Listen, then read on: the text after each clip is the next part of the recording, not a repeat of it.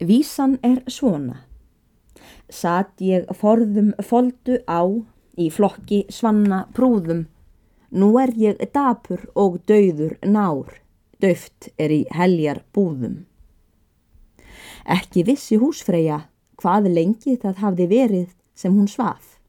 En þau áhrif hafði draumur þessi haft á hana að hana fýsti eigi að leggja sig aftur til svefns. Á lítilli hillu fyrir ofan rúm þórdísar var dálítill stokkur með eldfærum, tundri, tinnu og eldstáli. Fálmar hún nú til þeirra og freistar ef hún mætti kveikja ljós. Tekst henni það greiðlega, en síðan klæðist hún og hyggur skamt muni þess að býða að dagur renni. Lætur hún nú byðleika við þar til byrta tók á gluggan. Þá gengur hún út og er nú hríðinni nokkuð tekið að slota. Rófaði til í hálofti en skafmóld á lálendi og með fjöllum en ekki ofankavald. Virðist henni svo að ef veðrið ekki versni aftur úr því sem þá var muni fært bæja á milli fyrir vel klætta og raska karlmenn. Gengur hún nú til og vekur Rólf vinnumann og byður hann klæðast sem skjótast.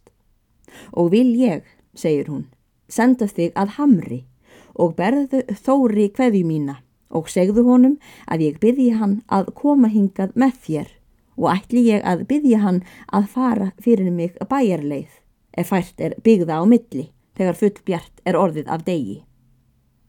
Rólfur klættist snarlega. Frá hlýð og að hamri var ör skamt og ekki lengra en stuttur stekkjarvegur. Segir nú ekki að því fyrir en Rólfur kemur aftur og er þá Þórir bóndi í förmið honum. Þá var enn ekki orðið full bjart. Fagnar húsfreyja honum vel. Svo er mál með vexti, Þórir minn, segir hún, að Sigurður bóndi minn og Þorstein fóru í gær til kirkju að stað og er mér grunur á að þeir í gergföldi hafi lagt á hálsin áður en hríðinni skeldi á. Þekki ég þá svo að kappi og áframhaldi að þeir varla munu hafa náttað sig fyrir handan, engum þar að hríðinni löst svo seint á. Þú veist hver fádæmi hafa á gengið í nótt og segir mér svo hugur um að eitthvað muni tálma för þeirra er þeir eru ekki hér komnir. Nú hef ég enga ró, nema þeirra sé leitað og með því ég veit að þú, Þórir minn, ert bæði ötull og greindur maður og hefur hingað til reynst mér og bónda mínum vel. Þá sendi ég eftir þér til þess að fara fyrir mig ef þér sínist ekki ófært.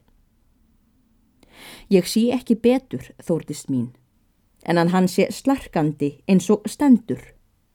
Hann lítur líka heldur út til að fara dagbatnandi.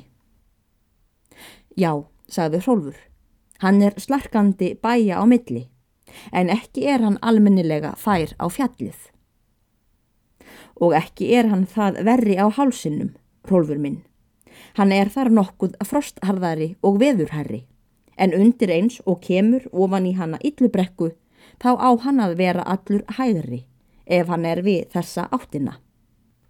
Hvað sem um það er, þá álít ég hann líkt færan.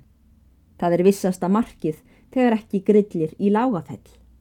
Þá er hann ógóður á hálsinum, sagði Rólfur og latti heldur farareinar. Ekki hefur mér reynst það neitt víst mark og hef ég verið hér í dalnum síðan ég var á tólta árinu og hitt veit ég að þegar ekki byrgir skarðið þá er hann full fær, en það görir hann ekki núna. Ég segi fyrir mig, Þórdis mín, ég vil reyna það fyrir yður að fara, því ég get getið því nærri að yður sé ekki rótt þegar eins stendur á. En hvern allir þér að láta fara með mér, því betra er að það séu tveir.